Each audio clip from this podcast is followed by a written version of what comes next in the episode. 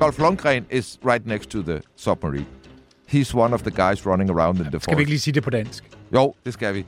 En af de folk, der er med på øen, da den her da de her faldskærmsjæger og kystjæger bliver sendt ned til den her russiske ubåd, det er skuespilleren Dolph Lundgren.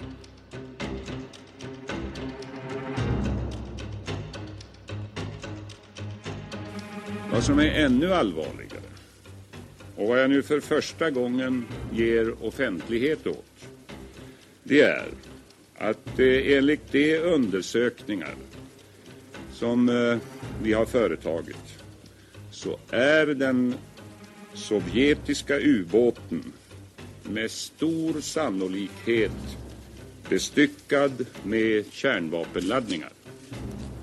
Du lytter til det hemmeligste af det hemmelige. Et program om den kolde krigs hemmeligheder.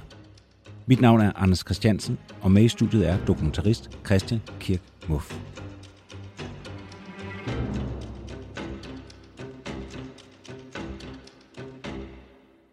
Vi har jo allerede en gæst med i studiet.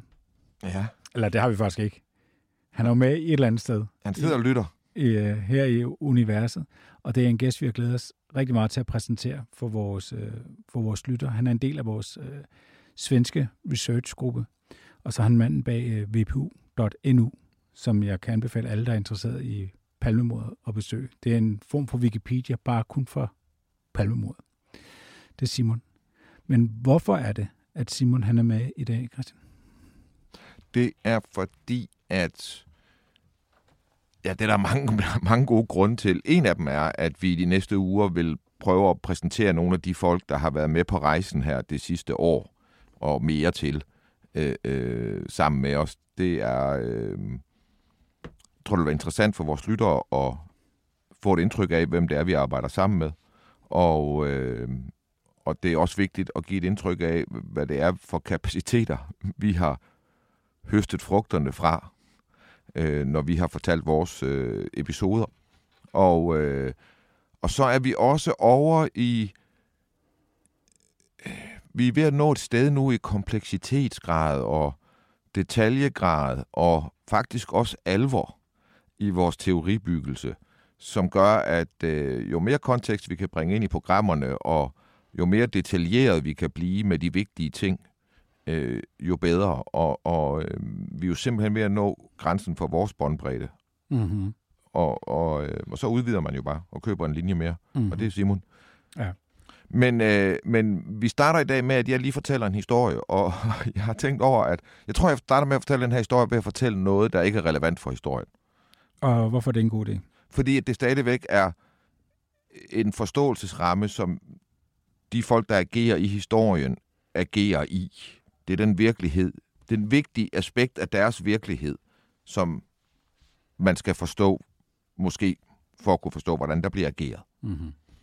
Og, og, og, og, og der skal vi lige ind, og det synes jeg nemlig også er interessant, vi skal lige ind i Varsava-pakten, og du ved, øst for jerntæppet.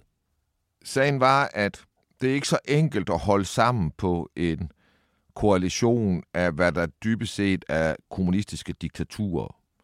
Øh, det, det er fordi, der er noget, noget økonomisk logik inde i kommunismen, som, som kommer til over tid at give problemer. I hvert fald som vi har kendt kommunismen i forrige århundrede. Altså, der er også forskellige dagsordner og interesser i forskellige lande, øh, og, og befolkningerne har forskellige kulturer og forventninger til livet. Øh, så, så sådan en one-size-fits-all kommunisme, det er, øh, det, det er svært at praktisere. Og det ser man jo også i, at det var nødvendigt for Sovjetunionen at manifestere Varsava-paktens sammenhængskraft og, og, og også ufrivillighed ved at invadere Ungarn i 56, da de pludselig var som stat på vej ind på en kurs, der kunne sige så og fø, kunne føre dem ud af Varsava-pakten.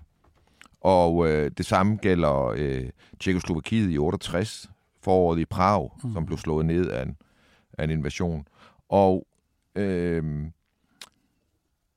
det efter, lige efter foråret i Prag, der retfærdiggjorde den øverste ledelse i det kommunistiske parti i Sovjetunionen, i Moskva, øh, de retfærdiggjorde det med det, der blev kaldt Brezhnev-doktrinet. Han var leder på det her tidspunkt i Sovjetunionen, som hed, at en svækkelse af et hvilket som helst land i Varsava-pakten væk fra den kommunistiske linje mod en kapitalistisk, kapitalistisk linje, det var et ansvar for alle øh, i Varsava-pakten, og derfor måtte man i fællesskab skride ind over for det. Det var øh, det doktrin, man agerede under i 70'erne, og det var det doktrin, man så dybest set også udspille sig, da Sovjetunionen i 79 gik ind i Afghanistan, som var en vasalstat. De var ikke med i, i Varsava-pakten, men de var på samme måde som nationerne i Varsava-pakten var Afghanistan under, den, under Sovjetunionens politiske og militære kontrol. Øh, men, men for at fastholde den kontrol har man invaderet Afghanistan i 79. Det har ført til en masse ballade og øh, øh, sanktioner mod Sovjetunionen fra amerikansk side, mm. øh, og har svækket deres økonomi voldsomt. Og det har haft en effekt, eller det, det får en effekt, som bliver lagt oven på en lang række andre effekter i Polen i 1980. For Polen har fra 70 til 75 haft en kommunistisk leder, eller nej, han er kommunistisk leder frem til 80, men særligt fra 70 til 75 har han haft en meget, meget ekspansiv kommunistisk politik, hvor han dybest set har liberaliseret det, Polen, så der opstår små private ejede virksomheder osv. Han ville skabe den, den øh, mest succesfulde økonomi, man kendte i et kommunistisk land. Det gjorde han blandt andet ved at låne ret mange penge alt for mange penge. Og jeg har sådan lidt med kommunister og så penge. Altså, ja. det, det går bare sjældent op. Altså, pengene passer sjældent til sidst. Mm. Og, og ham her, han tænkte jo, at han, altså, de gældsatte sig så voldsomt øh, øh, fra 70 til 75, at der, der lige pludselig skulle betales renter og tilbage på gælden i 75, hvor man også har en oliekrise, en energikrise, der gør, at priserne på, på varme og energi er mange doble på markedet, så bliver Polen ramt fra 75 og frem til 80 af en række år, hvor alting bliver rationeret først. Altså først er det simpelthen madrationering. Hmm. Senere så oplever man, at der ikke er... Der ikke... Så er der ikke mere for den statsbetalte 25 øre. Efter 24-7's lukning er det hemmeligste af det hemmelige blevet en podcast, du skal betale for. Gå ind på hjemmesiden dethemmeligste.dk og læs mere om, hvordan du fortsat kan lytte til det hemmeligste af det hemmelige.